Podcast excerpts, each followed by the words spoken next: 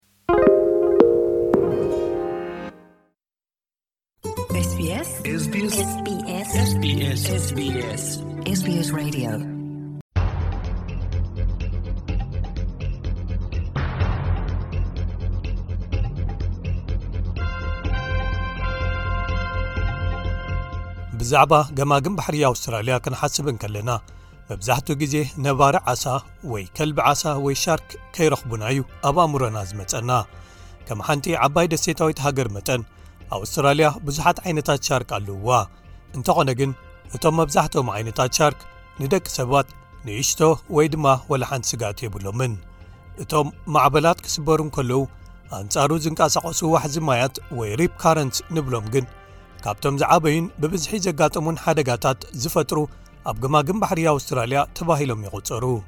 ኣበይን መዓስን ክትሕምብሱ ከም ዘለኩም ምፍላጥ ኣንጻር እዞም ስግኣት ሓደጋታት ኣብ ገማግም ባሕሪ እቲ ዝበለጸ መከላኸል እዩ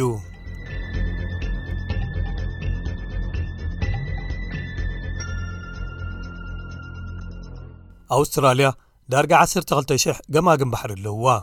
ትሕቲ ሓሙሽተ ሚታዊት ብሓለውቲ ህይወት ወይ ብምንስፋፍ ህይወት ዘድሕኑ ሰባት ምክትታል ይግበርሎም ብማእከላይ ገምጋም ሓደ ሞት ዘኸትል መጥካዕቲ ጥራይ ኣብ ነብሲ ወከፍ 12 ኣዋርሒ ከም ዘጋጥም ይጽብጸብ እዚ ኣብ ተማሳሳሊ እዋን ብማእከላይ ገምጋም 122 ኣብ ገማግም ባሕሪ ጥሒሎም ምስ ዝሞቱ ቁጽሪ ክነጻጽር ይከኣል ብዙሓት ካብዞም ሞታት ብሰንኪቲ ማዕበላት ክስበሩ እንከለዉ ኣንጻሩ ዝንቀሳቐሱ ዋሕዚ ማያት ወይ ሪፕ ካረንትስ ንብሎም ዘጋጠሙ እዮም ሸን ዶው ኣብቲ ህይወት ሓንበስቲ ዘድሕን ሰርፍ ላይፍ ሰቪንግ ኣውስትራልያ ወይ slsa ዋና ኣካያዲ እዩ slsa ዝሓለፈ ዓመት 1,0000 ምድሓን ህይወታት ኣካይዱ ብዙሓት ካብዚኦም ከኣ ከም ግብረ መልሲ ናይ ሓደ ሕቡእ ሓደጋ እዮም ነይሮም እዞም ማዕበላት ክስበሩ እንከለዉ ኣንጻሩ ዝንቀሳቐሱ ዋሕዚ ማያት ወይ ሪፕ ካረንት ሲልና ንጽውዖም ኣብ ገማግም ባሕርታትና ቁፅሪ ሓደ ፈጠርቲ ሓደጋታት እዮም ስለዚ እዚኦም ኣብ ከባቢ ኣውስትራልያ ዳርጋ ረብዒ ዝኸውን ካብ ኩሎም ምጥሓላት ይቕሙ እዚ ቝፅሪ ካብኡ ንላዕሊ ይኸውን ኢልና ንኣምን እንተኾነ ግን እዚ ኣብቶም መሰኻኽር ዝነበርዎም ዝተሞርከሰ እዩ ዝሓለፈ ዓመት ሓ4ሓን ሞታት ካብ ምጥሓል ኣብ ገማግም ባሕርታት ነይሮምና ዘሕዝን ቁፅሪ እዩ ከባቢ 36ዱሽ ካብ ዚኣቶም ብሰንኪ እቲ ሪፕ ካረንስ ንብሎም ዝሰዕቡ እዮም እዞም ሪፕ ካረንስ ንብሎም ኣንጻር ኣንፈታት ማዕበላት ዝንቀሳቐሱ ሓያላት መሓውራት ማይ እዮም። ንዓኹም ካብ ገማግም ባሕሪ ስሒቦም ናብ ባሕሪ ገጾም ዝደፍኡኹም እዮም። ኣቐዲምኩም ክትርእይዎም ከኣ ኣሸገርቲ ክኾኑ ይኽእሉ እዮም ይብል ሚስተር ዶው። ንሕና ክልተ ካብ ነፍሲ ወከፍ ንሪፕ ካረንት ቀዲምና ክንፈልጦ ወይ ክንርእዮ ንኽእል ኢና ዝብሉ ሰባት ብሓቂ ይጋገዩ እዮም። እቲ ዘንሳፍፍ ማዕበል ወይ ሰርፍ ክመጽእ እንከሎ እንተርኢኹሞ፣ ሰርፍ ዘይብሉ ክፋል እውን ይረኣየኩም እዩ። እዚ ኸኣ እቲ ደሓን ዝዀነ እዩ ኢልኩም ትሓስቡ ትዀኑ ግን እዚ ምናልባት እቲ ማይ ናብ ኣንጻር ኣንፈት ይንቀሳቐስ ኣሎ ማለት እውን ክኸውን ይኽእል እዩ ኣብቶም ቦታታት ማዕበል ዘየለውሉ ምኽንያት እዚ ክኸውን ይኽእል እዩ ጻዕዳ ጽቡቕ እዩ ዝበሃል ኣባህህል ኣለና ስለዚ ጻዕዳ ማይ ክዝርጋሕ ወይ ክመጽእ እንከሎ ይረአ እዩ ቀጠልያ ግን ርጉም ማለት እዩ እዚ ማለት ቀጠልያ ማይ ብሓፈሽው ዕሙቕ ዝበለን ናብ ካልእ ዝተፈለየ ኣንፈት ዝንቀሳቐስ ዘሎን ማለት እዩ እዞም ኣንጻር እቲ ዝመጽእ ማዕበል ዝንቀሳቐሱ ማያት ወይ ሪፕስ ቀተልቲ ክኾኑ ይኽእሉ እዮም ስለዚ ኣብ ከምዚ ዓዘኽቲ እንተኣቲኹም slsa እዚ ዝስዕብ መልእኽቲ ኣለዎም ህድእ ኢልኩም ብምጽናሕ ሓይልኹም ዓቅቡ ኢትኩም ኣልዒልኩም ሓገዝ ጽውዑ ምስቲ ኣንፈት ማይ ኣንሳፍፉ ናብ ዝኾነ ቀረባ እኩብ ሑጻ ክመልሰኩም ይኽእል እዩ ወይ ከኣ ካብቶም ሪፕ ንምምላጥ ማዕረ ማዕረ እቲ ገምገም ባሕሪ ወይ ናብቶም ዝሰባበሩ ዘለዉ ማዕበላት ገጽኩም ሓምብሱ እንተኾነ ግን ሸይንዶው እቲ ዝበለጸ ምኽሪ ኣብቲ ደሓን ዝኾነ ቦታታት ምሕምባስ እዩ ይብል ንሕና ሰባት ብዛዕባ ኣበይ ይሕምብሱ ኣለዉን ናይ ምሕምባስ ክእለቶምን ካሓስቡ ነተባብዖም ኣብ ዝተኻእለሉ ኸኣ ኣብቶም ምክትታል ዝግበረሎም ገማግም ባሕሪ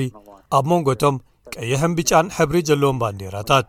7ብ6ካ ሚቲ ብምትሓል ዘጋጠሙ ሞታት ኣብ ዛሓለፈ ዓመት ዘጋጠሙና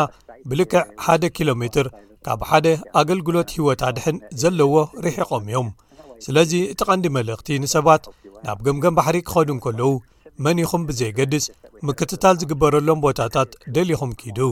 እቶም ቀይሕን ቢጫን ዝሕብሮም ባንዴራታት ኣብ ምድሓን ሰባት ዝተዋፈሩ ሰርፍ ላይፍ ሰቨርስ ወይ ላይፍ ጋርድስ ነቶም ከባቢታት ክከታተልዎምን ክዕዘብዎምን ምዃኖም የመልክቱ እዮም ኣብ ጸገም እንተኣትኹም ከኣ ከድሕንኹም ይኽእሉ እዮም ማለት እዩ ዘይከምቶም ምጥሓላት ኣብ ገማግም ባሕሪ፣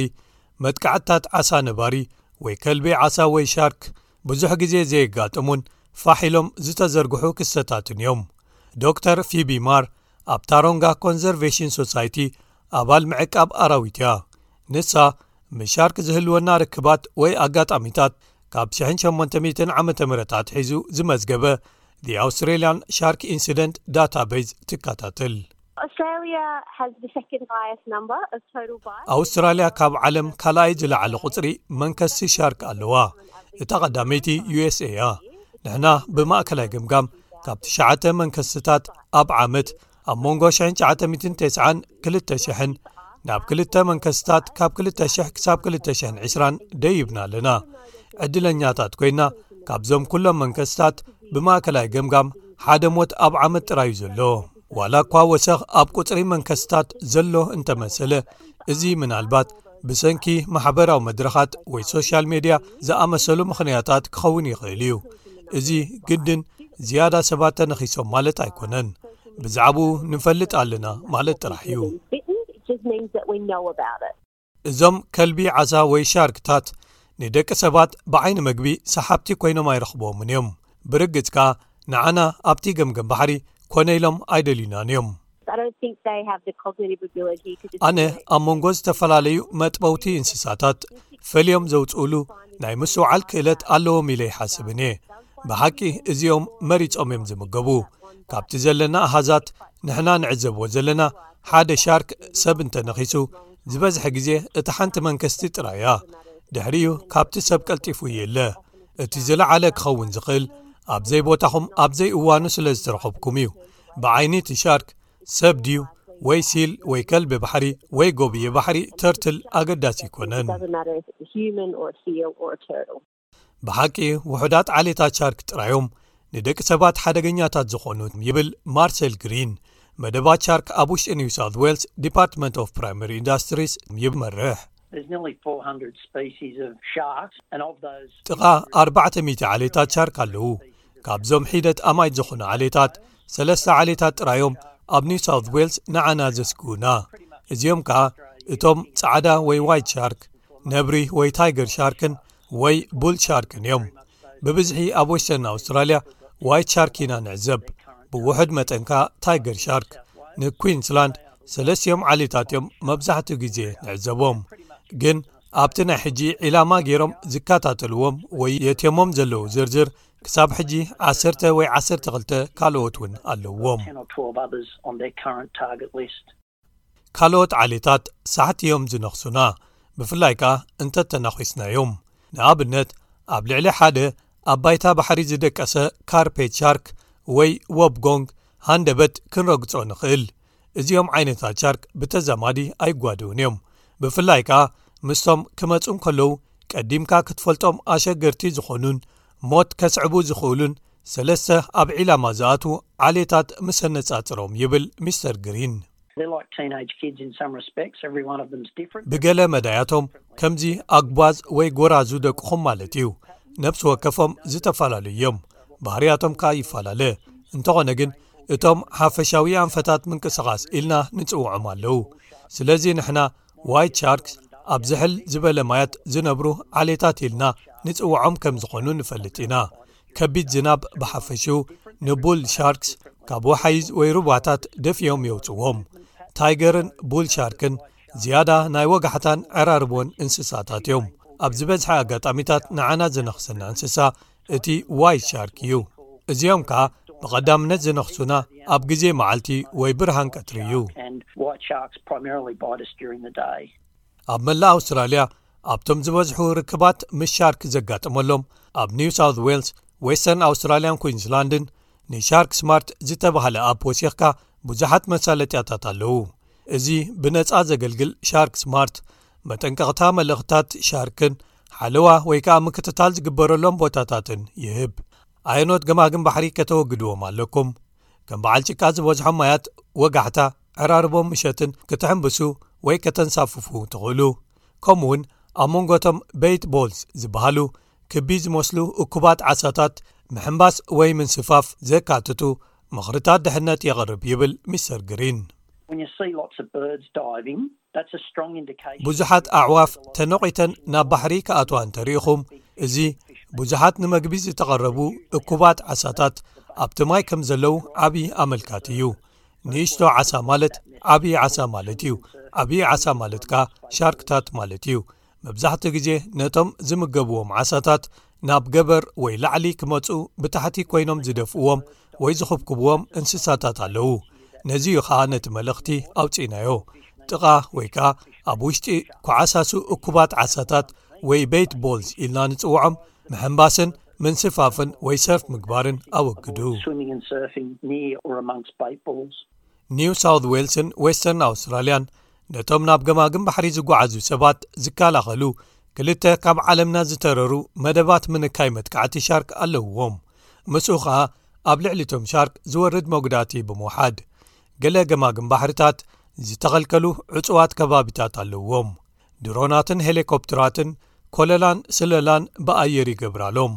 ሓደ ሻርክ እንተተራዩ መጠንቀቕታ ደወላት ወይ ድምፅታት ንህዝቢ ካብቲ ማይ ክወፁ ይሕብራ ኣብ ርእሲ እዚ ነቶም ዘንሳፍፉ ወይ ሰርፈርስ ንሻርክታት ዝነጽጉ ወይ ዘርሕቑ ነገራት ወይ መሳርሒታት ክኽደኑ ሓደ ተሪር ድፍኢት እውን ኣሎ እንተኾነ ግን እቲ ቐንዲ ጠቓሚ ሓበሬታ ድሕነት ኣብዚ ይብል ሸይን ዶው ኩሉ ግዜ ኣብ ሓደ ሓለዋን ምክትታልን ዝግበረሉ ገምገም ባሕሪ ምስ ዓርኪ ወይ መሓዛ ምሕንባስን ምንስፋፍን ወይ ከኣ ሰርፍ ምግባርን እዩ። ሓለዋን ምክትታልን ዝግበረሉ ገምገም ባሕሪ እትረኽቡሉ ዝበለጸ መንገዲ ኣብ መርበብ ሓበሬታ Beachsurf dot org dot au እዩ። እዚ ብከባቢ ሓደ ሚእቲ ዝተፈላለዩ ቋንቋታት ዝርከብ ኣፕ እዩ። ብዙሓት ዝተፈላለዩ ምኽርታት ድሕነት ከኣ ክህበኩም እዩ። እቲ ቀንዲ ነገር ናብ ሓደ ገምገም ባሕሪ ክትከዱ ትደልዩ እንተሊኹም ኣብ ሓደ ምክትታል ወይ ሓለዋ ዝግበረሉ ገምገም ባሕሪ ኣብ መንጎቶም ቀይሕን ብጫን ባንዴራታት ምሕምባስ እዩ ርግፀኛታት እንተዘይኮይንኩም ወፂኹም ነቶም ኩነታት ፈቲንኩም ረኣይዎም